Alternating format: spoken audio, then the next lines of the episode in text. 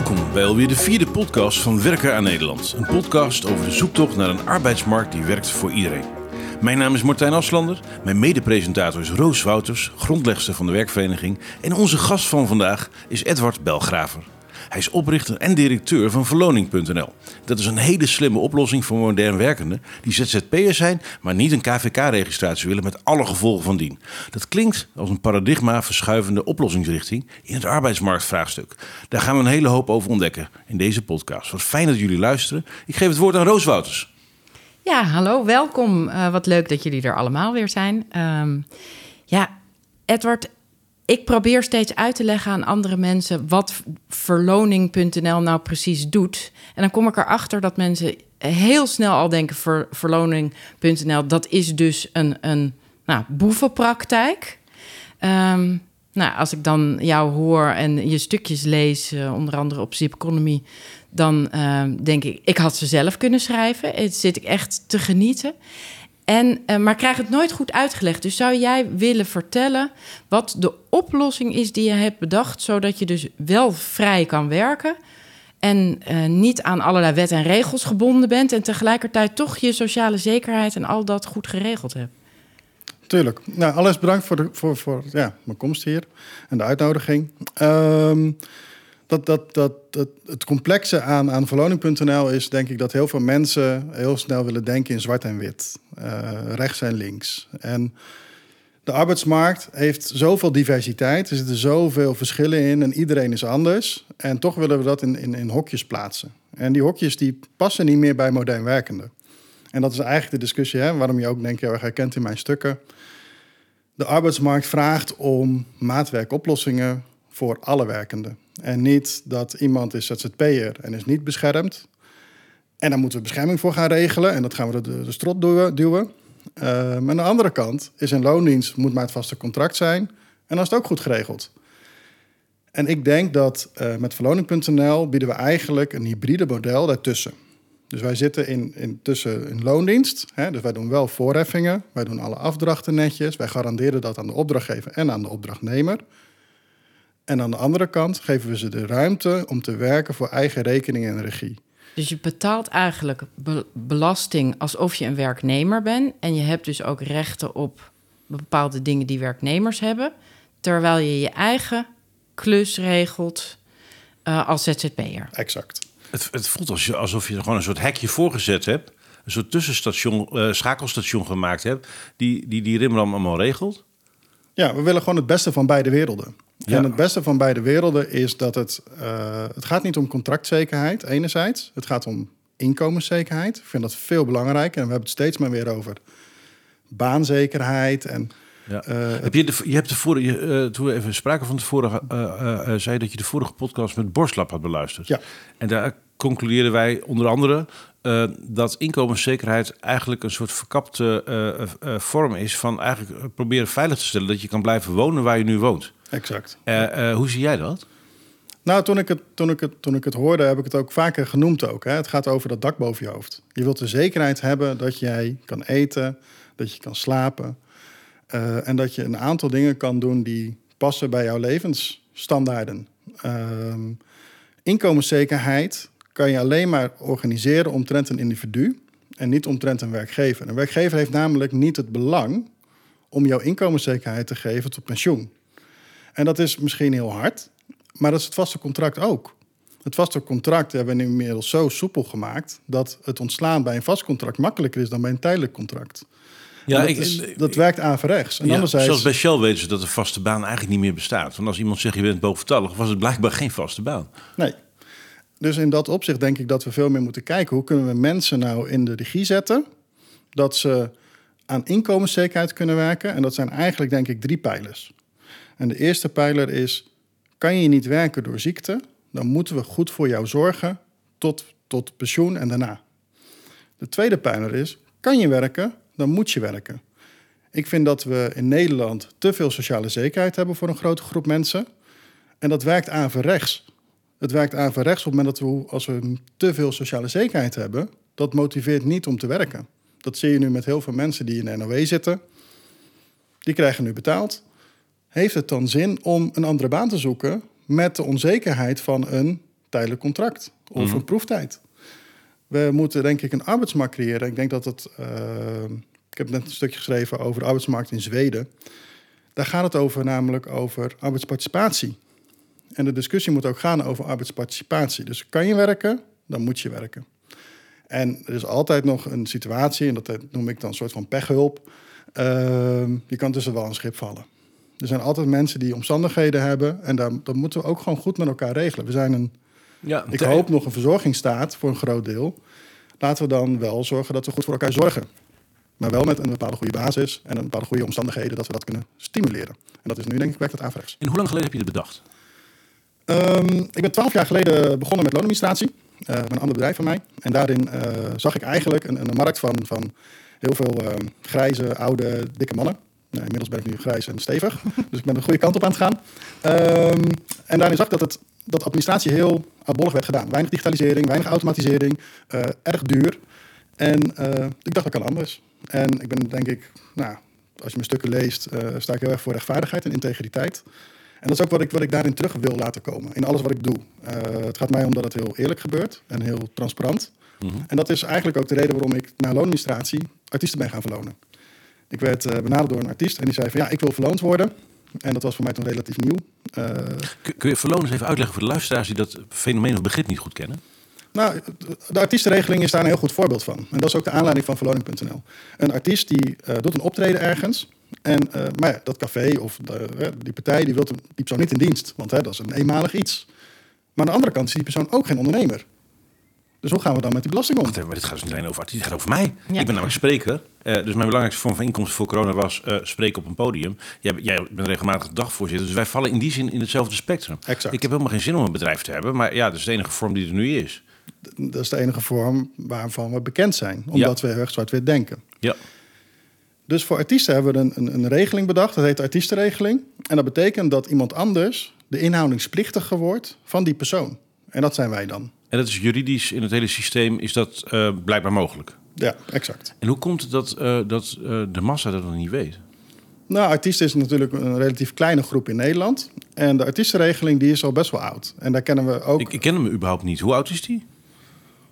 Oeh, ik denk dat die wet uit 74 komt. Wow. Net zo oud als ik. Maar hou me, er- hang me er niet aan. Nee, nee, nee, maar ik, ik vind het interessant, omdat ik eigenlijk me nooit had gerealiseerd dat je als eh, spreker op een podium of als dagvoorzitter eigenlijk in het helezelfde spectrum valt als een artiest. Deels. Deels. De Want een voetbal, want een is voetbal is de- eigenlijk ook een soort artiest. Klopt. Eh, een artiest is iemand die een uitvoering doet voor het publiek tegen vergoeding. Ja. Dus in dat opzicht kan een dagspreker, hè, als je dat voor een bedrijf doet, ben je weer niet een artiest. Want het is niet voor betalend publiek, want dat, dat is het bedrijf betaalt. Dus het publiek moet betalen. Dus daar zit een soort nuance. Alleen de, het gedachtegoed is heel interessant. Het gedachtegoed dat je in dienst bent bij iemand om voor jou een factuur te sturen aan een opdrachtgever en alle afdrachten te garanderen. Sorry, anders gaat mijn brein in de war. Ja, Als een café André Ha- eh, Gerard Joling inhuurt, ja dan betalen de gasten in het café voor het bier. Niet voor Gerard Joling, toch? klopt. En daarom zou Gerard Joling in dit geval niet onder de artiestenregeling vallen. Gelukkig heeft Gerard Joling waarschijnlijk een eigen BV om dat allemaal te regelen met een agent en met heel de mikmak eromheen. Ja.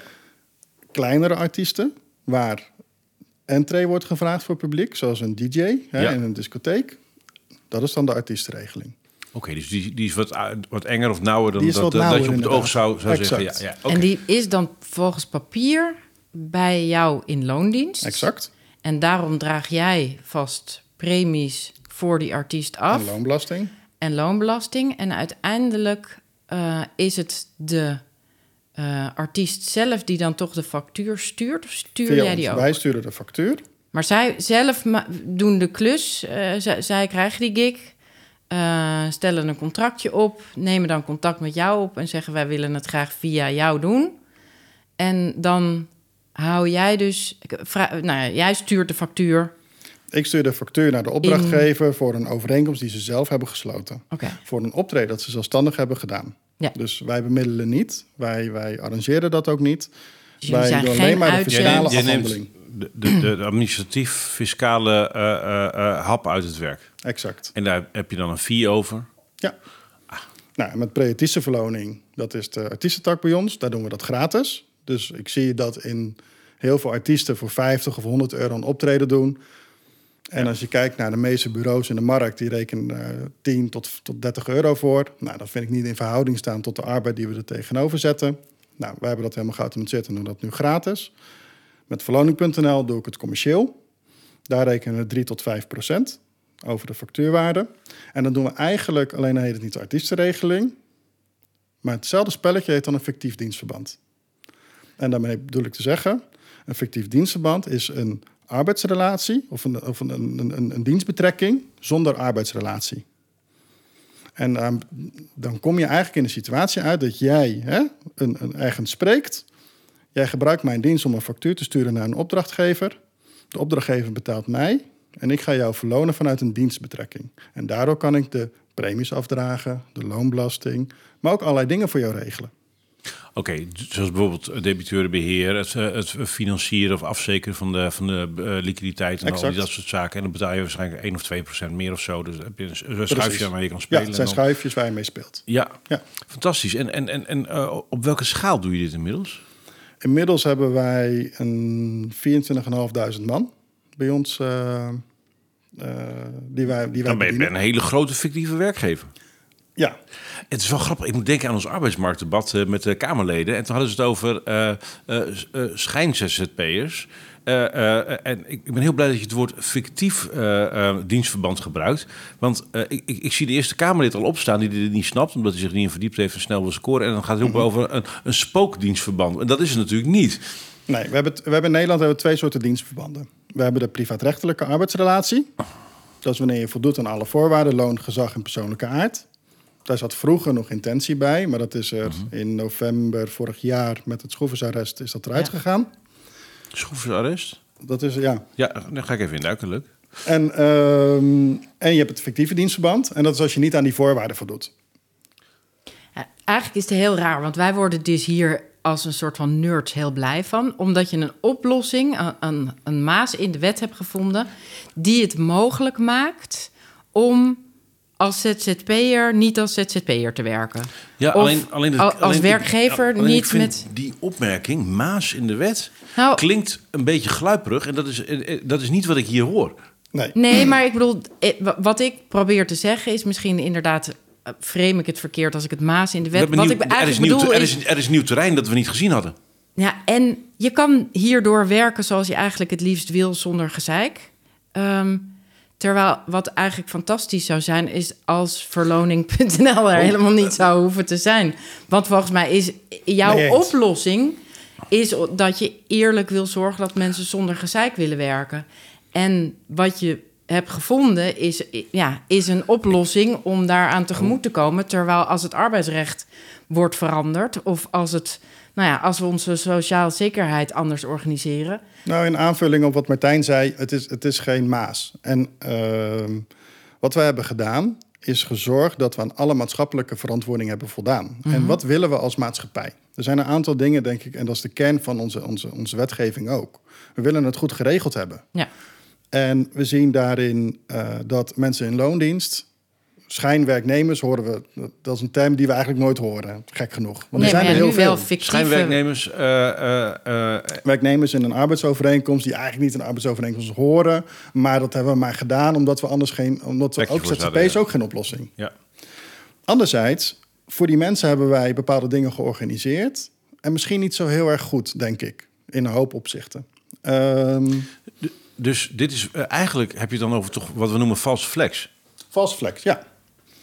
Dus eigenlijk is verloning een oplossing voor het grote maatschappelijke valse flex-vraagstuk. Ja. Maar aan de andere kant zie je natuurlijk ZZP'ers, die willen we ook beschermen. Want is een, uh, die discussie hebben we denk ik best wel vaak, is een bakker, is dat ook een professionele werkgever? Een bakker is goed in brood bakken, Even heel kort door de bocht. En, en, en, hij moet net iets meer maken dan dat hij aan kan. Dus heeft hij uh, uh, uit nood maar wat mensen aangenomen. Uh, en het loopt allemaal lekker, dat is fijn. Maar ja, die bakker is natuurlijk geen manager. Heeft nee. hij ook niet geleerd. Ja, arbeidsrecht is inmiddels zo complex geworden. En dat moeten we simpeler maken. En ik denk dat als je kijkt naar het aantal ZZP'ers... is een ZZP'er nou ook een boekhouder of een accountant? Een goede adviseur. Een goede, jongen, ja. Exact. Nee. En dus wat we willen, waar we voor willen zorgen, is dat een aantal verplichte belastingen gewoon goed geregeld zijn. De BTW, Ja, dus, de loonbelasting. dus eigenlijk help jij de Belastingdienst het makkelijker te maken. Heel gechargeerd Eigenlijk ben je zeg de heel soms dat wij de buitenboordmotor van... van de Belastingdienst op dit dossier. Ja, we zijn een commerciële belasting. Even, als je kijkt naar valse flex. eh, hoe, eh, eh, hoeveel mensen vallen binnen dat frame valse flex? Als me heel kort door de bocht, alle modern werkenden. En wat zijn volgens jou modern werkende? Dat is, een, dat is een moeilijkere vraag. En daar heb je een hele mooie lijst op op je website staan. Ja. Eh, alle ik denk dat iedereen die zelf regie wilt over het inkomen, die eh, zelfstandig wilt werken, die niet baanafhankelijk is, eh, maar Dan zit je toch al op een paar miljoen mensen. Ja, drie, vier. punt 4 toch? 3.4 Ja. zeg jij? 3,4. Zoiets, ja. Ja. Wauw. Hey, Ja, en- en- ik bedoel, en- het is maar- moeilijk te maar- rekenen, want er zitten ehm, dubbelingen. Maar ik wil maar even iets Ja. nuanceren. Ehm, in loondienst hebben we mensen in vaste dienst en die moeten zeker in vaste dienst blijven. We hebben ZZP'ers en daar hebben we een onderscheid tussen IB-ondernemers en ROW-ondernemers. En dat is, een, dat is een verschil dat heel veel mensen niet kennen. Maar even heel simpel uitgelegd. Een IB-ondernemer is iemand die echt ondernemer is, meerdere opdrachtgevers heeft, eh, voor eigen rekening risico kan werken, ook voldoende heeft om bepaalde zekerheden te organiseren. En je hebt ROW-ondernemers. Ehm, kort door de bocht, voldoe je aan de fiscale faciliteiten, dan ben je eh, IB, voldoe je daar niet aan, ben je ROW. Al die ROW-ondernemers, dat zijn ondernemers die geen fiscale faciliteiten hebben, dus ook geen belang hebben bij dat KVK-inschrijving, behalve boekhouding. Ja, eh, maar er valt nog iets. ehm, Ik, ik ik moet ben even- echt zo geen ondernemer. Ik snap daar Nee, nee, allemaal dat niet. helemaal Maar, niks nee, meer maar, van. maar- maar- wacht, zoals je net vertelde, klonk het alsof er nog eh, eh, een groep tussen wal en schip valt. Dus die eigenlijk eh, bij geen van die beiden hoort. ROW of IB. ja, want, want je zei net over de IB. eh, daar moet je voldoende meerdere opdrachtgevers. eh, nog, wat zijn er nog meer? De, Is- de, de Belastingdienst stelt dat je IB-ondernemer bent als je even... zoveel omzet hebt, meerdere opdrachtgevers, eh, eh, eh, actief promoten in de markt. Dat is ook een Ja. criterium volgens mij. Klopt, ja. Dat je jezelf mag vervangen, geloof Ja. ik. Ik vind het echt, En- het is allemaal compleet. Het- ik ben niet dom, maar dit is allemaal nieuw terrein om dat allemaal goed uit elkaar te houden. Nou, maar ben je niet heel bedreigend voor de, voor de, voor de, eh, voor de hele eh, uitzendbranche? Nee, kijk, uitzenden, ik denk dat een uitzendbureau heeft een hele grote toegevoegde waarde in de markt. Ehm, en dan moet je vooral denken aan de werving- en Ziek- selectiefunctie die ze hebben. Oké, dus werving en selectie en vervanging bij, bij, bij, bij ziekte, ziek. ziekte Ja. en ja. Als je het mij zou vragen, ehm, zou ik zeggen dat uitzenden eigenlijk eh, maximaal zes maanden mag duren. ja. Hè, dat is even de, de, het uitzendbeding, die, eh, wat is het, 1296 uur? Ik heb echt geen idee. Nou, ja, dit is, dit is een uitzendbeding en, en dat is de periode dat je elk moment kan worden ontslagen en ook kan worden, eh, nog niet mag worden overgenomen door de opdrachtgever. ja. Dat zijn die A, B en C eh, eh, contracten, ja. En eigenlijk zou je moeten zeggen dat uitzenden voor pie- piek en ziek is, Ja, voor de werving en selectie. Alleen mijn standpunt is wel, maak het transparant. Wat zijn nou die werving en selectiekosten? Ja. Nou ja, en transparantie is toch iets waar markten traditioneel niet zoveel behoefte aan hebben. En jij je bent natuurlijk wel een soort internetondernemer. Eh, Ik, ik denk dat de arbeidsmarkt verandert heel sterk en heel snel. En ik denk dat consumenten ook steeds meer eh, transparantie vragen van hun afnemers, van hun dienstverleners. Het is niet meer vanzelfsprekend dat we bepaalde dingen doen in, in, in, deze wereld, waarvan we niet meer weten van hoe het nou in elkaar zit. en waarom, waar betaal ik voor en waarom zou ik dat doen inderdaad? Exact. Ik heb nog even een andere vraag die me net binnen schoot. Ehm, er zijn natuurlijk heel veel ZZP'ers die het heel lastig vinden om aan een hypotheek te komen. Ja. Eh, omdat banken het frame ZZP niet zo goed eh, snappen. Eh, klopt mijn snelle aanname dat, eh, dat als een ZZP'er via verloning.nl gaat... dat jij een soort vast contract kan overhandigen bij een bank? Hoe zit dat stukje? Nee. Oh, nee, het is jammer. geen vast contract. Een vast contract wordt bij een privaatrechtelijke arbeidsrelatie. We hebben een Fictief. dienstverband. Ja, En bij een fictief dienstverband kunnen we wel een werkgeversverklaring geven. Dus je aanname klopt enerzijds van... hé, hey, er is een fictief dienstverband. Wij kunnen aantonen dat er inkomen is waarover aangifte wordt gedaan. ja. Dus hè, wij kunnen een werkgeversverklaring overleggen. Dat is geen enkel probleem. Een vast contract kunnen we niet aanbieden. Want dat hebben we niet. Nee, en heb je, wel? heb je al met dit beltje gehakt? Want ik bedoel, als je zoveel mensen eh, eh, aan het helpen bent... is er al iemand die geprobeerd heeft via eh, jullie constructie en, en paparazzen... eh, bij een bank aan te kloppen met... joh, volgens mij eh, moet het wel kunnen met een hypotheek? Nou ja, ik denk dat wij ongeveer eh, elke dag uh, drie tot vijf werkgeversverklaringen uitgeven. En leidt, leidt dat ook, uh, helpt dat die ZZP'ers ook, of modern werken in dit geval, sorry voor de terminologie, om een hypotheek te krijgen? Ik ga er wel vanuit. Want maar daar heb je geen feedback op gehad? Nee. Dat is wel heel interessant om even uit te voeren. Want ik denk dat je dan een run krijgt op, op verloning.nl. Nou, we vragen, daar, we vragen daar een kleine vergoeding van van 10 euro. Goh, voor de nou. werkgeversverklaring. Ehm, dus in dat opzicht, als dat niet zou werken, dan zouden we dat wel terugkrijgen. En we doen het al een tijdje. Oké, maar dan, dan zeg je eigenlijk verkapt hier... Uh, als je via verloning.nl zaken doet... is de kans dat je een hypotheek krijgt een stuk groter. Nou, dat zeker. Ja, maar hallo, dat is een asset. Dat, dat zou in chocoladeletters op de voorpagina van de Telegraaf moeten staan. Hoe komt het dat dat verhaal niet naar buiten is? Nou ja, kijk, verloning.nl doen we nu zes jaar. We groeien wel heel hard. Uh, alleen het is, het, is een, het is een uitdaging om in een markt die met zoveel belangen en met zo'n gestigmatiseerde kijk op, op, op mensen uh, een goede dienstverlening neer te zetten. En het is voor ons ook een uitdaging om continu producten te ontwikkelen die aansluiten op de behoeften van mensen. Maar, maar ik heb nog geen enkel bezwaar kunnen bedenken tegen wat jij aan het doen bent. Dus even ik zou voor bijna uh, iedereen die in diezelfde situatie zit, acuut kiezen voor verloning.nl. Dus wat zie ik over het hoofd? Wat... Nou, ik, denk, ik, denk dat, dat uh, mensen in vaste dienst die hechten veel waarde aan dat contract. Mm -hmm. Ik denk dat wij hier met elkaar kunnen zeggen en zitten dat wij daar geen waarde aan hechten. Ja, Hè, dat vaste contract. Wij zetten er ook heel anders in het spel. Ja. Nee, maar die, maar maar die, die kan snap ik. Is er, maar, maar, maar, maar, dat is die, één. maar je hebt die ZZP'ers. Die ZZP'ers, je hebt mensen die fiscale faciliteiten hebben. Um, wanneer je dat in de voorheffingen hangt, heb je die fiscale faciliteiten niet meer. Nee, dus dat is wel serieus als, geld. Even dingen als zelfstandig aftrekken en dat soort zaken. Exact. Dus ja, ja dan ben je geld aan het weggooien als je met mijn klant wordt. Dat, vind, dat, is ook, dat moet je ook zeker maar niet waar doen. ligt dan een opslagpunt? Want de, de, als je het, geen IB-ondernemer bent. Dus als je geen, geen recht op fiscale faciliteiten... dan denk ik dat wij een betere oplossing Maar met de huidige wensen van, een, van, van, uh, van Borstlap en waar het allemaal naartoe gaat is toch best een kans dat ze zeg maar, die zelfstandige aftrek flink willen beperken. Dus, nou, dus ze zijn wordt, al behoorlijk aan het afbouwen. Nee, nee, nee dus, daarom. Dus ja. het dus, wordt steeds de, interessanter. Dus zeg maar, er wordt een soort snelweg richting jou aangelegd op deze manier. Ja, heel goed. maar is dat ook wat jij echt wil? Ik denk dat uh, met verloning.nl en met de diensten die wij ontwikkelen... Uh, zijn er een aantal aspecten waarvan ik denk dat we de arbeidsmarkt echt kunnen verrijken. Uh -huh. uh, en mensen weer regie kunnen geven over hun inkomen. En uh, er zijn een aantal ontwikkelingen en daar zijn, dat is in ontwikkeling en laten we het voorop stellen. Maar kijk naar sociale zekerheid. De drie pijlers die ik net noemde. Ik denk dat ik dat één, goedkoper kan regelen, beter kan regelen um, en efficiënter. Um, en dat, daarmee wil ik zeggen, ik denk dat wij voor een fractie van de kosten die nu bijvoorbeeld UWV rekent, arbeidsongeschiktheid kunnen regelen tot 68. Door middel een combinatie van schenken en verzekeren. Ik denk dat ik inkomenszekerheid kan bieden tot pensioen. Uh, door mensen die gebruik maken van verloning.nl. Dat zijn allemaal mensen die willen werken. Ja. En als je wilt werken, dan ben ik er 100% van overtuigd dat je met de juiste begeleiding, de juiste ontwikkelcoach of life coach of noem het iets, ga je werk vinden. Ja. Dus ik ben ook uh, de manier waarop we nu werkloos hebben georganiseerd, ben ik op tegen. Ik vind inkomensverlies, daar moet het om gaan. Ja. En dan moeten we dat goed faciliteren. En ik ben ervan overtuigd met schenken en verzekeren dat we ook dat kunnen garanderen tot pensioen. Ik weet ook, uh, ik ben dus een keertje ontslagen. Of tenminste, ze hebben me een keer gedwongen om een handtekening onder mijn eigen ontslag uh, te zetten, omdat ze mijn functieomschrijving niet hadden ingevuld. En toen zeiden we kunnen er nu toiletjuf uh, bij zetten. En als je dan de toilet niet gaat schoonmaken, heet dat werkweigering en kunnen we je op staande voet ontslaan.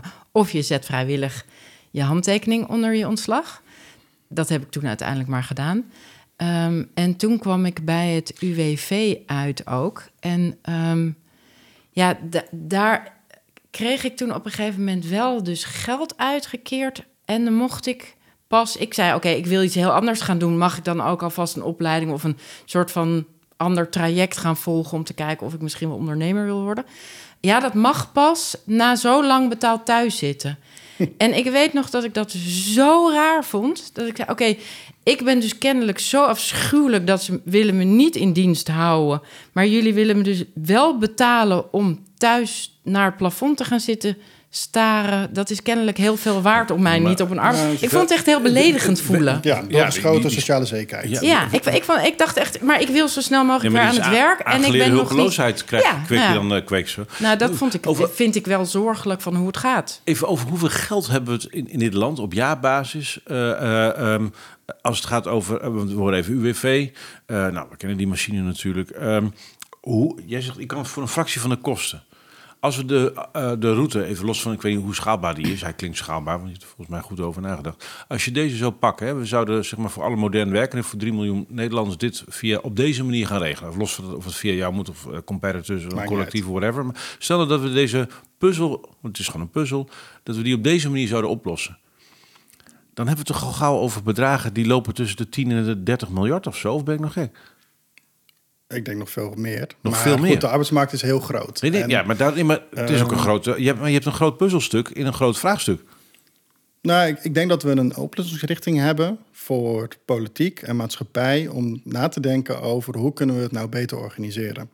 En het leuke is, hè, zoals een oplossingsrichting bijvoorbeeld, hè, die artiesten waar we het net over noemden, eh, waar we het net over hadden, daar zit ook een oplossingsrichting in. Hè. We hadden vroeger de VAR, die is afgeschaft. Bij artiesten heb je een inhoudingsplichtige verklaring. Niemand kent die verklaring. Dat is heel Ik gek. heb ook geen idee waar dat over gaat. Nee. Inhoudingsplicht. En ik zou vertellen wat een inhoudingsplichtige verklaring is. Een inhoudingsplichtige verklaring is een overeenkomst van mij als verloner Ja. aan de opdrachtgever met de zekerheid dat ik de afdrachten doe. Dus dat Ja. ik de loonbelasting en de premies betaal voor deze persoon waar die factuur aan gekoppeld is. In andere woorden, deze opdrachtgever die moet deze verklaring, die gewoon uniform is van, van mijn bedrijf, bij zijn factuur bewaren. En dan zegt de Belastingdienst: het is goed. Punt. Oké. Geen discussie achteraf. Met deze verklaring heb je de garantie dat deze partij die op die verklaring staat, de afdracht Juridisch doet zich voor die persoon. verplicht. Dus als je dat niet doet, dat is een ander hoofdstuk. Maar in elk geval eh, heb jij jouw zorgplicht gedaan. Exact. Ja. En met de VAR was dat een verrassing achteraf. Met de Ja. huidige wet DBA is het een verrassing achteraf. De inhoudsplichtenverklaring is een verrassing vooraf. Dat is fijn, want we willen rechtszekerheid. En daar draait het eigenlijk allemaal Is daar al een app voor? De inhoudsplichtenverklaring. Dat zou, eh, als je dat via een appje kan regelen. Nou, is de inhoudsplichtenverklaring stuur je met elke factuur mee voor de arbeid die je gaat verlonen. Dus, Dus het eh, zou iets van Moneybird eh moet gaan fixen in een dienstverlening. nee, de Belastingdienst. Het is een verklaring van de Belastingdienst. Dus de Belastingdienst geeft mij voor vijf jaar een verklaring. Oh, is één keer. Één keer, Oh, voor vijf ja, jaar lang. Ja, ja. En met elke factuur stuur ik deze verklaring mee. En daarmee verplicht ik mezelf tot af, afdragen van de sociale premies en loonbelasting. Onwijs boeiend allemaal. He- he- heb je al eh, eh, flink ruzie gehad met mensen in de polder of eh, juristen of whatever? Mensen die zeggen, nou, dit kan niet, dit mag niet en dit zal niet. Nou, de discussie die, hè, waar we het al in het begin over hadden, het is, een, het, is, het is juridisch en fiscaal complexe materie. Omdat we ook gewoon heel veel regels hebben bedacht in de afgelopen honderd jaar. Maar blijkbaar heb je al die regels bedacht. Nou, leuk, dit ligt daar, maar daar is ook nog ruimte. Laten we daar eens gaan kijken. Nou, het is, het is een, het is een blauwe als, ja, oceaan. maar het voelt niet als je, alsof je een loophole hebt gevonden. Je hebt gewoon compleet nieuw terrein ontdekt. Nou, het is een, het is een loophole, een loophole op het moment dat je eh, iets wilt vermijden wat je niet zou moeten willen vermijden. En ik denk dat het een oplossing is omdat je voldoet aan de wet en regelgeving op een manier waarop het ook bedoeld is. En is hier al eens een rechtelijke uitspraak over geweest? Ben je al eens in een situatie gekomen dat, dat je eh, echt even op de proef werd gesteld van... hey, hoe solid is dit? Nou, niet op die manier. Uiteraard, uiteraard hebben we wel discussies wel eens met een jurist die vindt van hé, hey, er is een, er is sprake van een privaatrechtelijke arbeidsovereenkomst. Of een jurist die zegt van hé, hey, maar dit is een ZZP'er. Maar dat, is gewoon omdat de jurist niet meer smaakjes kent dan ZZP of... Nou ja, ik denk dat jullie allebei zijn expert in het vakgebied en inmiddels heel veel ervaring hebben in het ZZP-vraagstuk. En toch is dit stukje, juridisch en fiscaal, een redelijk onbekend gebied. Ja, nou, er ook dus- geen touw aan vast te knopen. En bovendien, elke keer als ik denk, nu dreig ik het te gaan begrijpen, verandert er Nou weer ja, we wat. hebben wel geluk, want we hebben binnenkort zowel Tom Wildhagen als Evert Verhulp hier in de show. Ja, dus en dat we zijn kunnen, natuurlijk ja. best wel erkende experts wel die thema's. Maar wat, we- zou je, wacht even, wat zou je hun willen vragen op dit thema? Nou, ik zou even teruggaan. Zoals Ton Wildhagen, dat is een hele interessante. Die is, eh, destijds heeft hij de stadsbeurs ontwikkeld. En dat is om jong werklozen na hun schoolperiode aan het werk te helpen. Ja. Dat is, dat is een, een project geweest dat wij hebben gefaciliteerd met verloning.nl... om toch op een, op een goede manier de afdrachten voor die mensen te regelen. Want het is eigenlijk geen stageovereenkomst, want er is geen school gekoppeld. Dus ook met Ton Wildhagen, zoek, hij die zoekt ook oplossingen. Ja. En ik denk dat Ton, Ton Wildhagen er heel proactief in staat om ook naar inkomenszekerheid te kijken. Van hoe kunnen we nou alle lagen van de bevolking zorgen dat die mensen kunnen werken? En als ze niet kunnen werken, moeten we het ook goed regelen. Want wat ik net eh, eh, wilde vragen is... eh, eigenlijk bied jij een oplossing, een, een, een gat in de markt... eh, ehm, voor iets waarvan ik denk... eigenlijk zou iedereen moeten kunnen werken zoals ze willen... met zekerheid vooraf, met goede premieafdracht... met goede zekerheden. Met al die dingen zouden we eigenlijk op een andere manier... beter geregeld moeten hebben. Maar omdat het er nu niet is... is dat wat jij biedt de beste manier om het zo te doen. Maar als ik jou een toverstokje zou geven en, en ik zou je zeggen: creëer de arbeidsmarkt voor de toekomst eh, van alle werkenden. Eh, hoe zou die er dan uitzien? Waar zou je dan. Nou, ja. Ja, eh, ik denk dat er een aantal, dat een aantal punten is. Maar ik denk even, even terug. We hebben het nu best wel over het juridisch-fiscale complicaties gehad over verloning.nl. Ja. Heel veel mensen zijn niet geïnteresseerd in het juridisch-fiscale onderdeel. Heel veel mensen zijn geïnteresseerd in een goede en een eerlijke oplossing. Iedereen is bereid om zijn bijdrage te doen in het doen van betalen van belastingen. ja. Dat is niet de discussie. Alleen, hoe moet ik dat nou allemaal doen? En daar bieden we met verloning.nl een oplossing voor. Dus wil je gewoon werken onder eigen regie voor een opdrachtgever, Ja. dan zijn we met verloning.nl, dat denk ik, de beste oplossing waarbij we alles goed geregeld hebben. Dan is de vraag, hè, als je dat toverstokje hebt, dan is het eigenlijk, zijn er een aantal dingen die ik denk die veel beter kunnen. Eh, neem een flat rate zoals we dat in Polen kennen. Hè, gewoon één belastingtarief. Dan weet je precies waar je aan toe bent ja. sociale zekerheid, zoals in Zweden, waar arbeidsparticipatie de norm is en inkomenszekerheid de norm is. En sociale zekerheid wel een stukje minder is, omdat we zeggen, hey, je moet wel gewoon aan de slag. ja. Dus ik denk dat we heel veel kunnen leren van de landen om ons heen om het beter te doen. Alleen het vraagt hervorming. En eh, niet als in die bal een deukje induwen en dan zeggen het is hervormd. Niet iteratief. Het, ja, het gaat echt om het het opnieuw Ja. creëren van hoe willen we als, als maatschappij de arbeidsmarkt vormgeven. En, en dat is natuurlijk een dossier wat de politiek al heel lang voor zich uitschuift... omdat ze het te complex vinden en er te veel angels en voetklemmen aan zitten. Hoe eh, ehm, weten die lui de weg naar jou een beetje te vinden? Soms. Helaas, ja, ik kan makkelijk zeggen te weinig. Hè? We, we staan er heel proactief in, we staan er heel constructief Met in. hoeveel zijn jullie? Op kantoor zitten we met 15 man. Oké. Dus dat. eh, Maar ik heb ook wel eens van jou begrepen dat ze het gewoon ook spannend vinden en eng en dus ook moeilijk te begrijpen. En dan denken, ehm Het is niet vaste populair. contract is eh, veilig, dat snap ik wel. Dus doe dat. nou, het vaste En- contract wordt in elk partijprogramma genoemd omdat het zetels oplevert. En ik denk dat daar zit het grootste probleem. Willen we onze maatschappelijke verantwoordelijkheid dragen om de arbeidsmarkt zo te hervormen dat het beter is voor iedereen? Of willen we stemmen creëren met populistische vaak opmerkingen? En dat is het vaste contract norm. Dat is heel populistisch.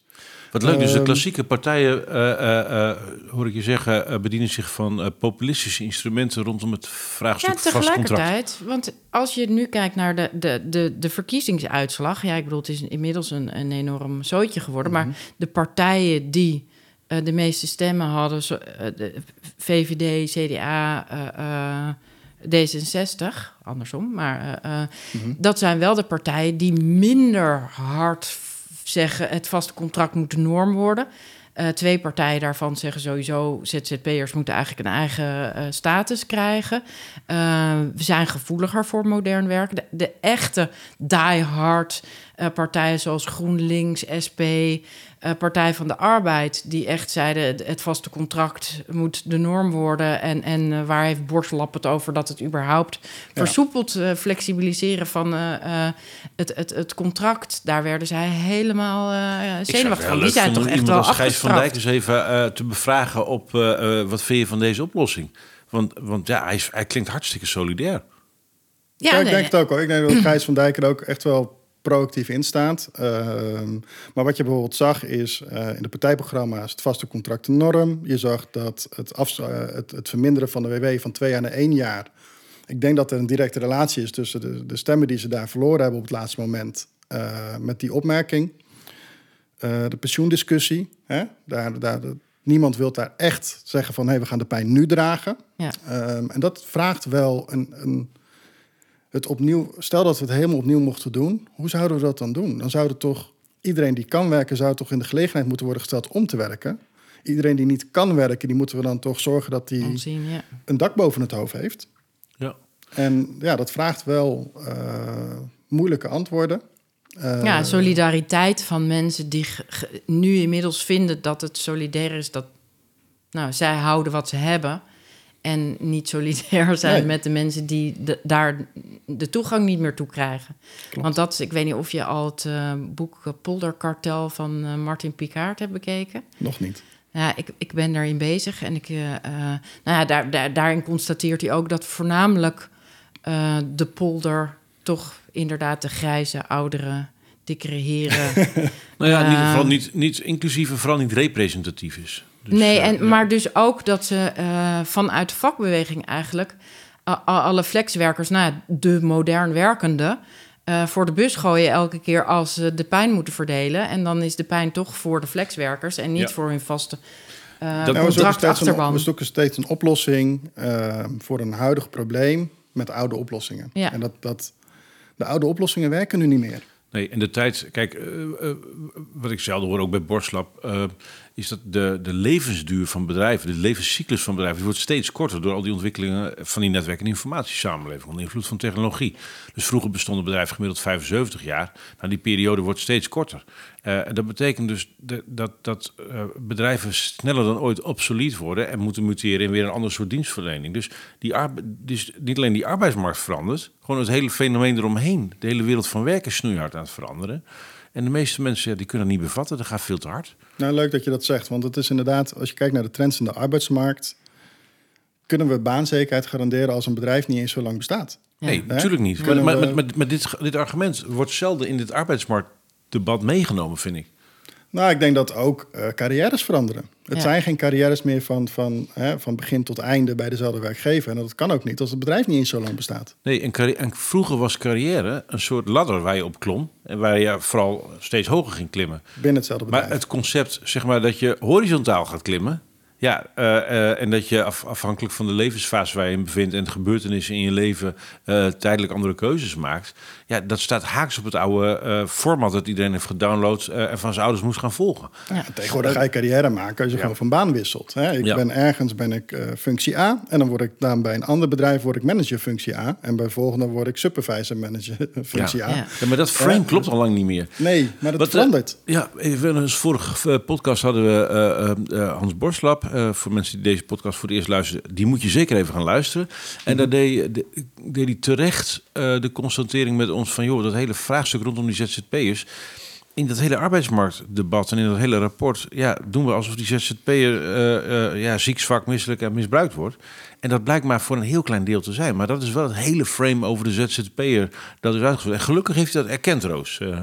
Ja, zeker. Nee, wat, ik, wat ik dus wel weer leuk vind aan jouw oplossing... en waarvan ik ook weer hoop krijg dat ik denk... misschien is dit... ben jij eigenlijk al het burgerservice model in het klein aan het uitwerken... Uh, ik, ik, weet niet of je dat wat zegt. Het, het burgerservice model voor de luisteraar thuis. Uh, ik dacht ooit, ja, iedereen heeft een burgerservice nummer. Daarop wordt precies uh, geconstateerd hoeveel geld ik heb verdiend, hoeveel ik daarvoor aan de belasting moet betalen. Waarom zou het niet veel logischer zijn als op basis van wat ik verdien, dat ik ook een bepaald nou ja, budget, een bepaalde nou, premie afdraag aan mijn AOV, aan mijn persoonlijke leerbudget en als ik dat wil, uh, nog aan mijn persoonlijke pensioen. En dat kan natuurlijk ook gedeeltelijk in collectief belegd worden, uh, maar in elk geval, uh, het is aan mij gekoppeld in plaats van aan mijn werkgever. En als ik nu kijk naar wat jij doet, dan zorg je eigenlijk dat we, nou ja, dat de ZZP'er solidair meedoet met het afdragen van loonbelasting. En daarmee dus ook nou ja, het verwijt uh, uh, wegneemt dat wij zogenaamd of dat ZZP'ers niet mee zouden willen doen. En tegelijkertijd uh, zorg je ook, zag ik, dat je nou ja, extra budget maakt van als je nog hier bovenop voor je eigen ontwikkelpotje wil sparen, wil je punten sparen voor. Dat ik denk, hé, hey, volgens mij ben jij gewoon het burgerservice model aan het. Nou, onze dienstverlening draait ook om, om, om de werkende. En dat is iets nieuws in de arbeidsmarkt. Dus wij doen loonadministratie van een individu vanuit onze entiteit. Maar dat maakt een hele andere benadering over arbeid. Als je kijkt naar verzuim, waarom zou een bedrijf verzuim doen? Om de ziektekosten te verlagen. Waarom zou ik aan verzuim doen? Om zijn inkomenspositie te verhogen. Ja. Zelfde oplossing, hele andere uitwerking, hele andere intenties. En ik denk op het moment dat we naar individuen kijken, kijken we ook naar de loopbaan. Ja. En dan krijg je ook hele andere vraagstukken over hoe kunnen we nou zorgen dat jij je loopbaan lang kan blijven werken. Want dan blijf je inkomen houden. Ja. Eh, een werkgever heeft dat belang niet. En soms ook wel. Hè, ik zie dat sommige bedrijven heel veel investeren in hun mensen. En andere bedrijven doen het juist niet. Want ja, die magazijnmedewerker ja. die heb ik toch nodig op het magazijn en niet op de administratie. Ja. Als wij, als, wij, als wij jou morgen aan tafel zouden zetten met Maarten Kamps, eh, de, de voorzitter van het, eh, van, de, van het bestuur van het UWV, wa- wat zou je mee willen geven? Nou, ik denk dat ehm, in hoeverre hij daar invloed op heeft, sociale zekerheid verandert. En eh, de arbeidsmarkt verandert en daar is de huidige sociale zekerheid niet tegen bestand. Mhm. Op dit moment zie je dat mensen die van baan wisselen, vinden dat ze recht hebben op drie maanden WW. Niet omdat ze WW nodig hebben. Nee, maar ik heb even wel na twee jaar eh, in het begin van mijn carrière een break verdiend. Daar is het niet voor bedoeld geweest. Dus de overheid gebruiken om een sabbatical te financieren. Exact. En dat, dat gebeurt nu steeds meer. En omdat arbeidsverhoudingen veranderen en arbeidsbehoeftes veranderen. Hè, neem, je, krijgt, eh, je wilt een opleiding doen. Mhm. En dan ga je even wat minder werken. Ben je dan deeltijd werkloos? Of hoe, hoe zien we dat dan? Eh, ik wil even een sabbatical van een jaar en dan wil ik weer terugkomen. Die klassieke frames kloppen dus al lang niet meer. Exact. En, ehm, En dat is niet te betalen. en eh, wat als morgen iemand denkt, nou dat heeft hij leuk bedacht, dat ga ik ook doen. Eh, ehm, ehm, eh, Graag. Oké, dus, dus eh, ehm, dus stel Randstad komt morgen op het idee om dit te, te gaan fixen. Nou, dat is een, dat is een grote partij, eh, hebben genoeg kapitaal. Die denkt, hé, hey, dat kon wel eens een handig idee zijn. Ehm, ehm, maar jij jaagt ertoe zo, zo te horen. Nou, ik juich het toe omdat dat de arbeidsmarkt transparanter maakt en duidelijker. Eh, ik juich het toe dat loonadministratie om individuen moet worden georganiseerd met, met de faciliteiten die erbij horen. Mhm. Ik juich het toe eh, eigenlijk om alle redenen. Alleen ik denk dat het niet gebeurt omdat het businessmodel van een randstad met eh, de 21 verdiepingen eh, overal, met de incidenten en de medewerkers, ja, is een businessmodel van 3 tot 5 procent, is, is, is denk ik, in ieder geval als ik het kijk naar de, naar de opbrengsten van uitzenden, veel te weinig. Ja. Dus het businessmodel is... Te veel overheadkosten vergeleken met de manier waarop jullie heel lean en, eh, en, en, en slagvaardig georganiseerd zijn. Nou, als je kijkt naar uitzenden is ooit ontwikkeld en dat was op elke hoek van de straat zag je een uitzendbureau en die ging de mensen in de wijk helpen naar een baan, omdat ze niet het netwerk hadden om een baan te vinden. Maar we zitten in een netwerksamenleving, dus ja, dat punt is weg. Exact. Ja. En daarom zou je ook zien dat uitzendbureaus, het zal steeds moeilijker worden voor uitzendbureaus om hun hoofd boven water te houden met de overheid die ze hebben. Met de, met de, dus dat is een kostenstructuurdiscussie. Ja, ja, ze hebben Ja, want jij runt deze club gewoon als een start-up zo te worden. Ja. Een, digitale start-up, dus schaalbaar. een digitale dienstverlening. Digitale dienstverlening. Hey, en ehm, wat nou als we naar een soort geunificeerd Europa zouden gaan? Hè? Want die kant bewegen we op. We moeten kijken hoe ver we komen. Ehm, hoe waardevol is deze oplossingsrichting voor eh, de andere Europese landen? Ik denk dat heel veel Europese landen aan het zoeken zijn naar goede oplossingen. Ik denk eh, in Duitsland eh, liggen er veel eh, projecten om het goed te doen. Zweden heeft een aantal uitdagingen al aangenomen. Ehm, Polen heeft nog niet zo heel lang een flat rate in het belastingstelsel. Ehm omtrent platformwerken zie je dat Italië en Frankrijk veel ontwikkelingen hebben gemaakt. Ehm, ik denk dat we heel veel van elkaar kunnen leren. En ik denk dat het heel goed is als we daar een, een, een dat we eens gaan nadenken over wat, hoe ziet onze arbeidsmarkt er over 20 jaar uit? Willen we dat werkgevers daar de baas van zijn en Ja. bepalen wat jouw voorwaarden zijn? En dat jij eh, ja, gevangen zit in dat dienstverband? Of willen we dat wij een ondernemende, zelfstandige beroepsbevolking hebben? En, en beroepsbevolking bedoel ik dus de arbeidsmarkt, iedereen die op de arbeidsmarkt actief is, die regie kan nemen over zijn of haar inkomen en sociale zekerheid en ontwikkeling integraal onderdeel is van die ontwikkeling. Maar heel eerlijk, ehm, ik word vaak gevraagd om na te denken over de toekomst. Dan zeg ja, vertel even hoe het er over 20 jaar uitziet. Ik durf niet verder te kijken dan vijf jaar, want ontwikkelingen gaan zo hard. Eh, eh, 20 jaar is veel te ver. Hoe zie jij dat? Nou, ik denk dat het arbeidsrecht is al best wel oud. Ja, jawel, maar Dus die ontwikkelingen, nee, maar de ontwikkeling op het gebied van technologie en op het gebied van de arbeidsmarkt, al die zaken die gaan zo hard. Dat, dat nou ja, Ja, en waarom is ook, ik bedoel, waarom is verloning.nl er? Omdat uh, de arbeidsrecht zo oud is en, en de manier van werken zo veranderd is. De behoefte die modern werkenden hebben is eh, gigantisch uh, veranderd. Dus daarin speel jij dan, daar speel jij dan op in. Maar dat maakt juist eigenlijk eerder dat je zegt die arbeids, dat arbeidsrecht moet ongelooflijk hervormd worden. Moet veel, veel... Ja, maar, ik, ik hoorde het dus laatst... Niet, maar zolang ze dat dus niet doen, heeft hij dus gewoon een prima oplossing. Dus hoe cares about uh, nou, wat wel of niet veranderen? Als ze het wel doen, heb ik ook een goede oplossing. En dat is een beetje de insteek hoe wij organiseren en hoe wij dingen oplossen. Is wel vanuit de behoeften van mensen. En ik denk dat als je kijkt over hè, hoe ziet de arbeidsmarkt er over tien jaar uit, dan zijn er niet meer vaste contracten. Nee. Ik denk niet dat mensen behoefte nog hebben aan een vast contract. Zeker ook na de coronacrisis, nee, nee, nee. Ja, werkgevers gaan in elk geval niet, meer mensen een vast contract ja, aanbieden. Het risico is natuurlijk veel te groot. Kijk, in Nederland hebben we twee jaar doorbetaling bij ziekte, uh, waar Europees gemiddeld op uh, negen weken staat. Ja. Dat, dat is niet te verantwoorden. Een zinnig verschil. Ik, de, met de werkvereniging doen we tegenwoordig mee met een Europees initiatief. Uh, um, de, um, oh, we hebben een bouwvakker hier. Nou ja. Stop maar. Um, stoppen? Misschien even. Even wachten.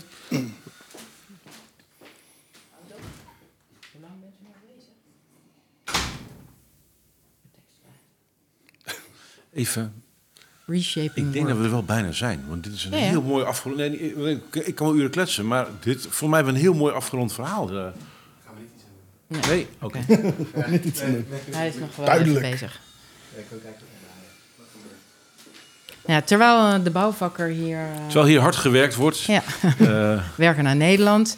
Um, ja, nee, ik, ik, wij doen tegenwoordig met uh, de werkvereniging mee aan Reshaping Work. Dat is een Europees initiatief waar we dus gaan kijken van... wat kunnen we met elkaar leren van hoe we de Europese arbeidsmarkt... Ja, ja, ja nou, tenminste, er zitten Duitse platform op, maar er zitten ook... nou, de, zo iemand vertelde over dat je in Engeland uh, heb je een werknemer, een werkgever en een worker. En die heeft dus. Die lijkt heel erg op wat wij doen. De worker status is eigenlijk een, uh, een fictief dienstverband met bepaalde voorwaarden. En in Nederland heb je het fictieve dienstverband zonder voorwaarden. Die hebben wij eraan gesteld. Dus met verloningpunt hebben we gezegd, niet onder de 16 euro per uur. Ja. Een AOV-verplichting op het moment dat je afhankelijk bent van je inkomen. En dat is misschien niet altijd leuk om te horen. AOV-verplichting is natuurlijk een, een hot issue en een, en een behoorlijke discussie. Maar ik ben wel van mening dat langdurig ziekte is een, is, heeft zo'n groot financiële impact op jouw leven en op jouw inkomen en op je huis. Ja, dat, daar moeten we iets voor regelen met elkaar. Ik, ik ben helemaal niet tegen iets regelen en verplicht regelen ook. Ik bedoel, ik, ik heb een, uh, uh, nou, genoeg ellende gezien om te weten dat het iets is waar je je niet in je eentje meestal uh, tegen kan verzekeren.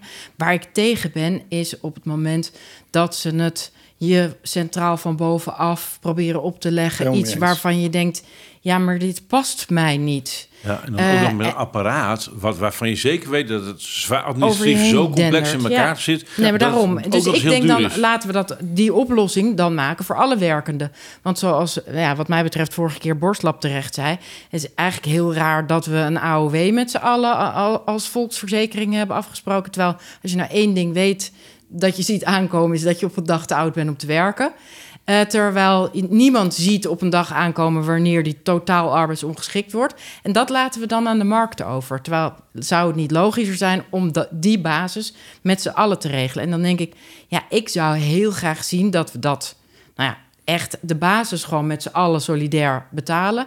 En als je daar dan verder dingen bovenop wil, als jij uh, nou ja, je, inkomen tot een bepaald, uh, uh, hoe heet dat? Nou, dit is ook het wil verzekeren. Het, het Zweedse model is dat. Ja, leuk dat je dat noemt. Het Zweedse model is een hele lage WW-uitkering. Tenzij je lid bent van de vakbond, dan kan je hem aanvullend verzekeren. Ja. Dat is een keus. Ja. 80% is daar wel zwaar lid van de vakbond, maar het is, blijft wel een keuze. Ja. Ik denk dat er wel veel bewegingen zijn. We zijn uh, ik ben onlangs benaderd door uh, Binnenlandse Zaken. Die zijn nu een zestal inspiratiesessies aan het organiseren... om te kijken hoe ze de arbeidsmarkt ook kunnen hervormen. Wat best wel veel bij de gemeente wordt neergelegd nu. Dus daar ja, zitten echt heel veel. Zijn, nee, en er zijn dus echt heel veel ontwikkelingen. En ik heb het idee dat uh, de afgelopen twee jaar, hè, sinds ik denk hè, dat, dat jij ook veel meer aanwezig bent, ook in de politiek, met de werkvereniging, maar ook andere partijen. Modern werken is de norm.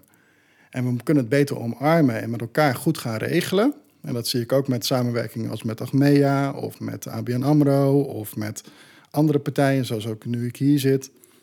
Hoe gaan we nou zorgen dat voor alle werkenden, dus niet alleen die mensen met dat vaste contract en niet alleen die ZZP die echt fiscale faciliteiten, maar voor iedereen gewoon arbeid goed organiseren waarbij we solidair, maatschappelijk en sociaal zijn. Uh, dat ook gewoon, hè, iedereen weet dat we belasting moeten betalen. Dat is ook helemaal niet erg. Nee, ik, ja, ik ben altijd wel trots als ik belasting mag betalen. Maar ik vond het een stuk leuker toen ik merkte dat het ook. Ik ja, ik zit dus in een broodfonds. En toen uh, in mijn eerste broodfonds mede broodfondser ziek werd. En die vertelde hoe ongelooflijk fijn ze het vond om die 48 waren er toen, geloof ik, kleine afschriftjes op haar bankrekening te zien, waardoor zij gewoon overleven kon. Uh, ja, ik, ik, voelde me daarna zo goed toen ze dat met tranen in haar ogen vertelde. Dat, dat ik dacht, meer, mag ik... Maar dat voelt meer samen. Ja. Uh, nou ja, het, het voelt ook als iemand te laten overleven. En, en zo goed voel ik me niet als ik de belasting betaal. Terwijl ik wel denk dat, dat we daar naartoe zouden moeten. Dat je weet dat je belasting betaalt... omdat je echt ergens nou, een mooie bijdrage nee, levert. Ja. Um, hoe zie je dat met die broodfonds... ten opzichte van de dienst die jullie bieden? Want eigenlijk heb je daar een oplossing voor, toch? Nou, ik, ik geloof dat. Um, dus is een van de opties bij jullie een, een alternatief? Het is een van de opties. Ja, die hebben we ook. Uh, ik denk dat we moeten kijken naar meer samenwerkingen en dat we het met elkaar goed moeten regelen. En ik denk dat een broodfonds voor de kleine en de korte termijn risico's ontzettend goed is. Ik denk dat dat veel beter past. Ook als ik kijk naar onze populatie van een kleine 25.000 man die hebben behoefte aan solidariteit. Die hebben behoefte om het goed geregeld te hebben. En dat kunnen ze voor een deel met elkaar doen. Ja. Grote risico's, die moeten we echt gaan verzekeren. Ja. Nou, daar hebben we een partner voor. Uh, Achmea, ik met Achmea inderdaad. Ja, die willen daarin meedenken. Die, willen, die zijn proactief. Want ik eh, ondanks... ook dat jullie aan het praten zijn over variabele inleg. Dat je dus niet ja, ik, ik denk altijd, ik moet, hoeveel ik ook verdien, moet ik een bepaalde premie afdragen. Terwijl ja, soms verdien ik niks. Maar daar zijn jullie dus ook. Want dat heeft lang geduurd voordat die verzekeringen ook een beetje nou ja, en we hebben flexibel waren. Nou, We hebben er bijna een jaar over gedaan om met Achmea deze polis samen te stellen. En ik, en ik geloof, hè, zoals zij dat ook heel mooi zegt, het is de Rolls Royce van, van de beroepsarbeidsongeschiktheidsverzekeringen in Nederland. Um, en wat we hebben gedaan is, je hebt geen afsluitkosten. Nou, dat is al uniek met een beroepsarbeidsongeschiktheidsverzekering. Je betaalt een percentage van je inkomen. dus het is als je niks verdient, betaal je ook niks. Het is variabel. 70% van je omzet die is verzekerd. Uh, dus uh, bruto betekent dat dat we tussen de 80 en 85% uit kunnen keren als er echt iets gebeurt. Tot 68 jaar, met wat uitzonderingen. Maar in de regel het is echt, maar ik ben echt trots nou, op dat het goed geregeld is. Want, maar zijn dit soort initiatieven, dit soort ontwikkelingen dan niet juist een reden om eigenlijk naar de volgende koolmees te gaan en te zeggen: hou eens op met die verplichte AOV. Um, Yo, gast, kijk hier dus even. Ja. Want uh, we, de, de producten die nu inmiddels, uh, ja, dat duurt even, maar die spelen veel beter op de vraag uit de markt in. Uh, dan wat het UWV nu opgelegd heeft gekregen en zegt: we kunnen niet uitvoeren in de Belastingdienst. Nou, het moeilijke is denk ik wel, en dat is ook met ZZP'ers, die moeten uh, hun inkomen zelf opgeven. Het voordeel bij ons is dat wij het inkomen organiseren en aangifte doen over dat inkomen. Dus bij ons weet je wat het inkomen is. Bij een ZZP'er zegt, ja nee, ik denk dat ik einde van het jaar 20.000 euro haal. Maar het kan ook zijn dat je in februari 12.000 doet en daarna 1000. Ja.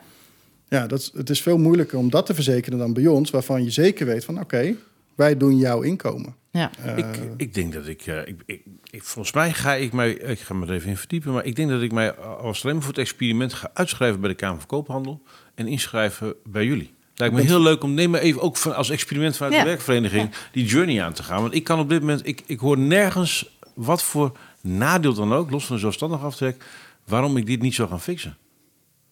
Ja, je bent vanuit de welkom. En ik denk dat dat, dat is het ook hè, waar we het voor doen. Uh, klanttevredenheid, uh, dat het goed geregeld is. Gewoon een jaaropgave aan het einde van het jaar. Je IB-aangifte voor ingevuld. Ja.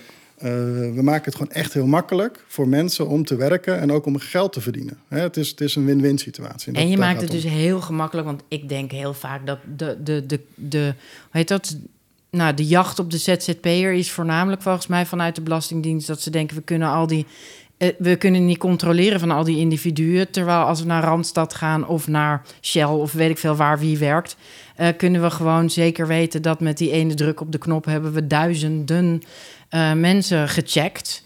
Uh, ja, via jou dus ook inmiddels. Terwijl Ja. ze kunnen het is ons natuurlijk wel een klein beetje doorgeschoten. Hè? Kijk, we hebben op, op een beroepsbevolking van 10 miljoen... hebben we nu 1,2 miljoen ZZP'ers. Mhm. Een belastingapparaat kan niet 1,2 miljoen mensen op bezoek. Nee, Ja, dat is gewoon niet te overzien. nee. Ehm, dus ik denk wel dat het logisch is als je gewoon centrale organisaties hebt. Hè, dat kan een Randstad zijn, dat kan een Verloning.nl zijn, dat kan een eh, Shell zijn, die gewoon hele grote werkgevers, die dat gewoon. ehm, hè, waar je bij de, ja. ja, en, of hè, fictieve werkgevers of gewoon werkgevers, maar die, die mensen faciliteren om hun inkomen te regelen. Dan heb je één partij om te controleren. Weet je zeker dat de regels worden nageleefd. Kan je ook afspraken maken van hey, hoe ga je daarmee om, hoe ga je daarmee om. Het is transparant, het is duidelijk. Hè? Dat is ook het loonstrookje bijvoorbeeld dat wij maken. Ja, wij leggen uit van, van, van factuur tot netto wat er precies gebeurt. Er is echt geen, geen cent onverantwoord. Ja. Ja, ga ik naar een, eh, een payroll of een uitzendbureau... dan zeggen ze ja, we werken met een factor en daar zit alles in... en dan komt alles goed. ja, Ja, en wat er dan de bruto marge is van zo'n bedrijf... Nee, onze commerciële marge is dit. Nee, wat is jullie bruto marge? Ja. Dat, nee, dat weten we niet. Of dat zeggen we niet. ja, er is overal nog een kickback fee. En exact. Een, eh, ja. en, en dat moet nou eens duidelijk. En dat is Ja. het, ik denk dat dat ook de eerste stap is van de overheid... om te zorgen dat er transparantie komt over de afdrachten. En niet... ehm, ja, dan gaan we heel erg weer naar de inhoud. Maar je hebt, je hebt, je hebt nou, de toeslagenaffaire gehad. Maar goed, dat, het gaat over consumenten. Maar in de loonbelastingwetten staat ook... Hè, als je dit doet, dan krijg je dat een beetje extra. En als je minimumloon betaalt en als jij een vast contract... Vast contract is 5% goedkoper. Eh, zit je in minimumloon tussen dat en dat, krijg je nog eh 20 cent extra elk uur. Een jaar later krijg je terug. En Ja. als je dat doet, krijg je dat. En als je dat doet, krijg je dat. En een doelgroepenregister. We hebben het allemaal zo ontransparant gemaakt. En er zitten zoveel businessmodellen achter. Ja. Ja, als we dat nou eens gewoon simpel maken. Gewoon zeggen, dit is... Dit En, waar moet je dan beginnen? Ik bedoel, eh, buiten wat jij nu doet, maar waar moet de- bijvoorbeeld de werkvereniging beginnen? Nou, eh, even een klein, een klein stapje terug op die vraag te beantwoorden. Ik denk dat een loonstrook altijd moet aangeven wat de werkgeverslasten zijn, Ja. wat de loonkosten zijn en niet het bruto loon. Bruto Ja. loon is een achterhaald begrip. Ja. Bruto loon is een onderdeel van de loonberekening. Ja, wij zijn, wij zijn bezig met dit do- deugdblad te gaan eh, Ja. Nou, ontwikkelen. Waarin we dus ook zeggen, transparant loonstrookje is het eerste belangrijk. Of tenminste loonstrookje. Ja, überhaupt dat je het transparant En het weergeeft. journaal zegt Wat- ook wat het kost. Ja. Je loonstrook moet ook zeggen wat het kost. Wat Precies. kost ik nou? Ja, Hoe kan ik onderhandelen over iets als ik niet weet wat het kost? ja, Dat is gek. ja. Ehm, dus ik denk dat dat stap één is. Ik denk dat de werkvereniging juist voor moet staan dat eh, werken past bij eh contract onafhankelijk is. Mhm. Maar dat we met elkaar wel zeggen van hé, hey, we hebben een aantal diensten, services die ervoor zorgen dat we in ieder geval het sociale zekerheid met elkaar hebben georganiseerd. Dat mag een overheid zijn, dat kunnen particuliere bedrijven zijn, dat kunnen wij zijn, dat kan iedereen zijn. Maar we hebben, met elkaar moeten we zeggen, dit is goed geregeld. Wij moeten Ja. eigenlijk als maatschappij zeggen, niemand hoeft in de bijstand te komen. En Edward, eh, wij hebben toen eh, we hebben het, het, het stuk toekomst, eh, hoe heet dat? De toekomstvisie voor modern werkenden eh, geschreven. En eh, daarin hebben we op een gegeven moment ook gezegd: zou het niet veel logischer zijn als dus iedereen zijn individueel leer- leerbudget heeft en dat je, eh, nou ja, dat burgerservice model, je, je spaart dus geld voor een AOV, voor Je, je persoonlijk leerbudget aan te vullen. En eigenlijk zouden we de WW dus inderdaad zes weken moeten maken voor mensen in loondienst. En mensen die eh ZZP'er zijn, zes weken moet je een buffer hebben om te kunnen. eh, en daarna, als je dan nog steeds eh, niet aan de bak bent, dan is dus waarschijnlijk iets aan je kennis verouderd. Dus moet je aanspraak gaan maken op je, ehm, eh, op je leergeld. Eh, hoe je dat ook doet. Ik bedoel, eh, eh, en, daar krijg je dan, als je kan laten zien dat je genoeg in jezelf hebt geïnvesteerd de afgelopen jaren, krijg je daar in plaats van dus een uitkering of een WW of een bijstand, krijg je een beurs. Nou, ik zou eigenlijk, ik heb er toevallig afgelopen week op LinkedIn, ik weet niet of je die hebt gelezen, een, een een berichtje over geschreven. En wat je nu ziet is dat de overheid ontzettend veel geld in jou investeert om je op te leiden. Een universiteit, een hogeschool. Het is bizar hoeveel geld we investeren. En daarna word je in de steek gelaten. Hè? Ja. Dan ga je werken, dan is het gewoon klaar en dan zoek je het maar uit. Totdat je eh werkloos wordt, dan zeggen we, oh, nu zit je in de problemen, nu helpen we hier weer een beetje. Maar iemand die heel jong werkt, die krijgt al die voordelen niet. Dus het is heel raar dat waarom, waarom hebben we niet met elkaar, zeggen we met elkaar, als overheid ook, in onze beroeps, in onze bevolking investeren wij hun leven lang. En of je dat nou als je jong bent, die opleiding doet, of als je ouder bent, of even een jaar ertussenuit gaat, dat moet toch niet uitmaken?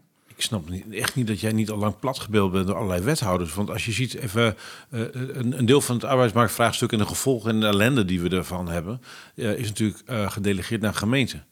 En je ziet in, in Groningen eh, allemaal bevlogen eh, wethouders bezig met arbeidsmarktvraagstukken om, al, om, om die shit heen te werken. Dus op het moment dat die met jou koffie drinken en die, die zien de oplossingsrichtingen die jij bedacht hebt, dan bespaar je toch gemeentes heel veel narigheid. Ja, nou, ik, denk- ik denk dat uiteindelijk zijn er heel veel belangen. Ja. En uiteindelijk, om iemand eh, op zijn veertigste nog een universele opleiding te geven, ja, dat wordt niet betaald door de overheid meer. Dan moet je dat zelf betalen. Daar is vaak geen geld voor. Dus we hebben ook wel een makke samenleving gecreëerd. En dat is denk ik, eh, dat vraagt een andere kijk. En dat, eh, ik denk dat modern werkenden die kijk omarmen. Eh, en dat we vaak tegengewerkt worden door de huidige wet en regelgeving. En met verloning.nl proberen we dat te overstijgen. Door zelf met goede oplossingen te komen.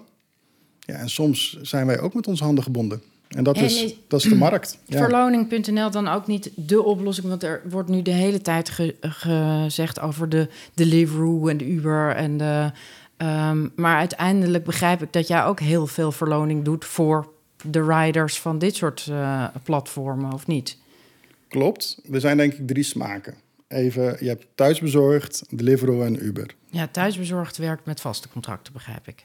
Dat is niet waar. Dat klopt niet. Thuisbezorgd werkt met minimumloon via Randstad. Ah, dus dat is gewoon een uitzendconstructie. ja. Oké, Dat zijn mensen die na twee jaar echt niet in vaste dienst komen. nee. Die zullen in een uitzendconstructie blijven, hebben nul baanzekerheid. Maar ook niet de voordelen van de waarde die ze toevoegen. Ja. Want ze zitten via een uitzendconstructie die daar het apparaat niet voor heeft. Ja. Om dat efficiënt te doen. Het is wel vanuit een dienstbetrekking. En daar gaat thuisbezorgd heel prat op. Van, hé, hey, kijk, wij bieden een vast contract. En daar ben ik ook in de maling genomen. Ja, ja Dan heb je. Uber. Uber heeft gezegd, wij werken met BTW-formulier. Dus het zijn geen ondernemers bij de KVK. Wij adviseren iedereen om een BTW-nummer aan te vragen. Wat ook tot veel problemen leidt. Want die mensen die gebruiken allemaal de core. Maar dat weten ze niet. Dus die krijgen een naheffing van de Belastingdienst voor de BTW. Veel gedoe. Boekhouders worden er rijk van. Maar die mensen niet. En het is ook niet helemaal top geregeld. De Deliveroo, die werkt met ZZP. En eh, we hebben veel rijders die ons gebruiken. Maar we hebben ook veel rijders die ons gebruiken voor Deliveroo, Uber en thuisbezorgd. Hè, of, of andere partijen. En op die manier ehm, ja, faciliteren wij die mensen op die manier. Want ik begrijp, ja, ik, ik ben, ondanks dat ik een experthulp ben, ben ik dus ook voortdurend, eh, nou ja, word ik op het verkeerde been gezet en trap ik er dus ook nog in. Eh, maar op het moment, kijk, de hele discussie de hele tijd dat mensen in, in, in dienst, die riders in dienst genomen moeten worden.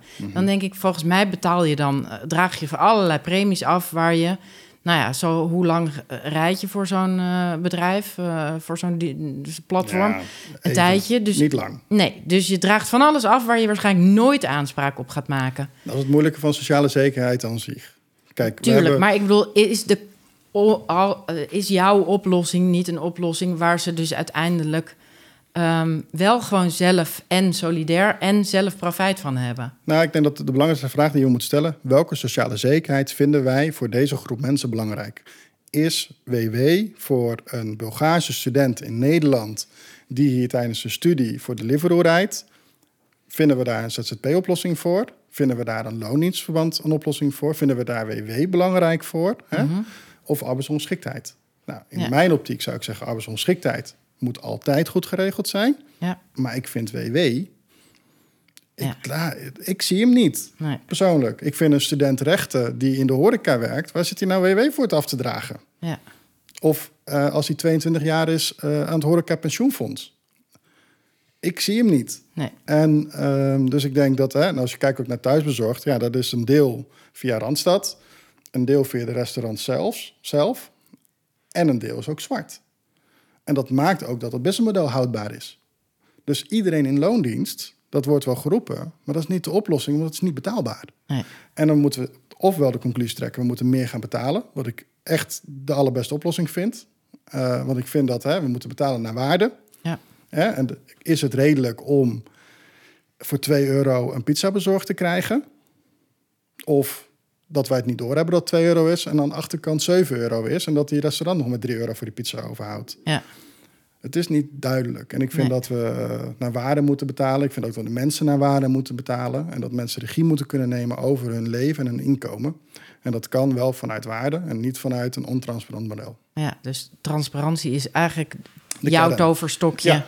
Daar beginnen we mee. Alles Juist. transparant maken. En ik hoor hier ook nog een sociaal bewogen eh, ondernemer zeg maar, in deze uitzending. Heb jij, eh, eh, wat doen jullie aan accountability en transparantie zelf op je website? Bijvoorbeeld the Money vertelt, hey, dit is hoe wij omgaan eh, met geld van onze eh, leden. Maar dat is natuurlijk een heel ander model. Eh, de- de- de- wat doen jullie aan, aan, aan, aan transparantie eh, eh, in hoe het bij jullie aan toe gaat zelf eh, op de website? Ik heb nog niet gecheckt. Nee, kijk, er zijn een aantal dingen die, die, die we doen om het heel duidelijk te maken. Eén, we hebben een raad van advies. Dus die geeft advies over hoe wij onze bedrijfsvoering doen. Dat zijn over het algemeen eh, fiscalisten, maar ook mensen die gewoon heel veel ervaring hebben in de markt, in de arbeidsmarkt, eh, ofwel eh, politiek gezien. Dus die kijken mee met hoe ik dingen doe. Eh, met verloning.nl, en dat ja, ik kan het wel benoemen, maar ik heb, ik heb bijvoorbeeld een vast salaris. Ik heb geen winstmodel, ik heb een vast inkomen en daar doe ik het van. En de rest investeer ik terug in verloning.nl. Omdat ik geloof dat met verloning.nl we het beter kunnen organiseren als wij in terug investeren. Nee, dat, dat beeld heb, dat die beeld heb- loonstrook, ja. dat, ik denk dat het daarom gaat. Kijk, op het moment dat je een factuur stuurt via ons, ehm, dan leggen we uit van de factuur, wat wij letterlijk ontvangen, tot netto precies wat er gebeurt. Elke euro is verantwoord. Verklaring, eh, betalingsgedrag, we zijn eh, referent bij de IND. Ik kan me eh, voorstellen heel veel mensen... aanbestedingsverklaring hebben we. Het- We hebben echt ik- wel, we hebben het goed voor elkaar. Ja, want toen ik het er eerst over hoorde, dacht ik, hé, hey, is een soort payrolling of zo? En, en de eerste reflex is te denken, hé, hey, dit is blijkbaar iemand die iets goed doet in, die, in het wilde westen van de payrollingbedrijf. Eh, en daar zitten natuurlijk ook hele goede tussen en, en minder goede en ook cowboys. Eh, dus ik kan me voorstellen met het verhaal wat ik hier hoor, dat er best wel, en, en de bedreiging die voor, voor, voor gevestigde orde, dat best wel veel mensen eh, zouden willen proberen te schieten op dat model. Maar ja, dat, dat- en naarmate je een grotere broek aantrekt met de oplossingsrichtingen die je hebt, moet je denk ik ook nog meer proactief communiceren. Ik zag net een filmpje Klopt. van je, ik zie eruit nadat die eh, online komt, ehm, over hoe dit stuk bij jullie geregeld is. Want ja, dan, dan ben je volgens mij nog onkwetsbaarder dan dat je eigenlijk al bent. Nou, ik denk dat, dat eh, ons businessmodel op dit moment, hè, met, een, met een commissiemodel van 3 tot 5 procent, is denk ik heel redelijk. En het voegt, de waarde die wij toevoegen is, is heel groot voor de mensen die gebruik maken van onze diensten. Ja. De klantservice, hè, die is echt gericht op klanten. Ja. Dus ehm, het hele businessmodel van ons is gericht één op massa. Laten we dat ook vooropstellen, want anders Ja. kunnen we dit niet doen tegen deze tarieven. Ja. Maar anderzijds op slim organiseren, op slimme oplossingen, Ja. op betere oplossingen. En En daar ik- kunnen alle andere partijen in het spel, inclusief de overheid, nog heel veel van leren, weten we. Nou, en ik, zou, ik, zou, ik nodig iedereen uit om daaraan mee te doen. Hè? Ik nodig iedereen uit om te zeggen van... hé, hey, ik heb een goede oplossing voor eh, modern werkenden, voor mensen. Dan, dan bel me, weet je. Ik ben altijd in voor een goede oplossing. Ja. Alleen het moet wel ethisch, het moet correct... het moet gewoon gaan zoals het hoort. En niet eh, kickback fees aan de achterkant. Nee, dat eh, bedoel ik. Dat, dat stuk al- al jullie- soort rare geintjes, Op dat, punt moet je iets Europese zijn nog dan de paus. Exact. Als je die lange adem wil hebben. En ik, ja, ik zie echt een gouden toekomst ook voor jullie rol in Europa. Want dit, dit kan een hele hoop zaken vlot trekken. Ja, dat is wel lastig. We zijn bezig geweest met Duitsland, we zijn bezig met België. De wetgeving is gewoon overal anders. Het zijn veel van nuances. eh, Ja, maar dat is wel een lange termijn en een lange Ja, zeker. Ja. Nee, we, we kijken ernaar. En we, kijk, we kunnen laten zien in Nederland dat we een goede oplossing hebben. We kunnen laten zien dat we het ethisch doen. We dragen de belastingen netjes af. Ehm, iedereen is er blij mee. Ja. Ja. laten we dan dat nog doorzetten naar een nog beter product en naar een nog betere dienstverlening. Edward, wie moeten we nog spreken over de toekomst van de arbeidsmarkt? Wie zou jij heel graag eh, aan het woord willen hebben bij de werkvereniging? Ik denk Steven Waaienberg van D66. Ja, die ga ik eh, vragen. Ik denk dat hij, eh, ondanks dat hij in de oude politiek zit, hè, dus de, volgens mij is hij niet heel dik, maar goed. Eh, Nee, zeker niet. Nee. eh, maar ik denk dat het heel goed is dat, dat eh, zijn kijk op de arbeidsmarkt meer naar voren komt. Eh, hij is de man, denk ik, achter Colmees. Eh, ja, en ik, ik denk dat het heel goed is dat er een bepaalde kijk op, op eh, tussen, tussen commercie, hè, dus de markt bedoel ik, en Ja. de politiek, daar kan een brug geslagen worden. Ja. Ehm, ik denk, maar dat als hij dat zou willen, ik denk de Michel Rover van het UWV. Dat is ook wel iemand die ik denk dat hij naar voren wilt. Dat hij wilt. Alleen, hè, je zit binnen het UWV in een heel dichtgekaderde organisatie. Ja. Maar ik denk dat hij eh, ook van, van ja, echt wel iets, iets wilt in deze wereld. En dat is denk ik de meeste mensen die ook in de politiek zitten en, en bij de ministeries werken, die willen wel. Alleen ze hebben niet de middelen en niet de mogelijkheden om verandering te brengen. En Ja. ik denk dat we met verandering.nl en ik als ondernemer eh, kunnen het gewoon gaan doen. Ja. En gewoon kleurniks binnen de lijntjes. En laten we het gewoon doen. Laten we gewoon die verandering zelf teweeg brengen. En dan volgt vanzelf de rest. Hey, wat kan de werkvereniging daar bijdragen volgens jou? Nou ja, dankjewel bij deze voor deze uitnodiging. Dat is één. Nou, we hebben regelmatig ook contact, sowieso. Eh, en ik denk dat we met elkaar eh, in goede oplossingen denken. Ik denk dat Ja. de werkvereniging staat voor een goede en eerlijke oplossing voor werkenden. Het is, en dat is een beetje, denk ik, de, het stigma dat een beetje leeft, is ZZP'ers willen geen belasting betalen. Ja, En eh, in loondienst moet het worden gedaan, wordt het gedaan en hebben we het sociaal goed geregeld. Met verloning.nl denk ik dat we in de korte termijn een oplossing hebben dat sociale zekerheid voor mensen, voor modern werkenden, naar een hoger niveau gaat dan voor mensen in vaste dienst. Ja. En ik denk dat we daarmee de discussie kunnen veranderen over dat het gaat om werk, om arbeidsparticipatie en dat sociale zekerheid daar gewoon altijd bij zit. En dan is de discussie ook contractsneutraal. Ja, Het gaat niet om of jij een oproepcontract hebt, een vast contract hebt, een tijdelijk contract hebt, een nee, werkt. en- opdracht, eh, aanneem, eh, Ja. weet ik het allemaal wat. Maak het simpel. Ja. En, eh, en dat is wat Verloning.nl doet. We maken het simpel. En we Ja. hebben het net heel veel gehad over de juridische dingetjes. Ja. Maar het gaat over het simpel maken. het- Jij werkt, ik factureer. Ik zorg dat de belastingen worden geregeld. En het maatschappelijk wordt gedaan. Dus jullie hebben gewoon in feite de gedoekant van sociale zekerheid gefixt. Ja, Nou, dankjewel, Dank Edward. ja. Ehm, ik denk dat we er wel zijn, hè? We zijn rond. Ja, we kunnen natuurlijk uren praten. Maar Ja.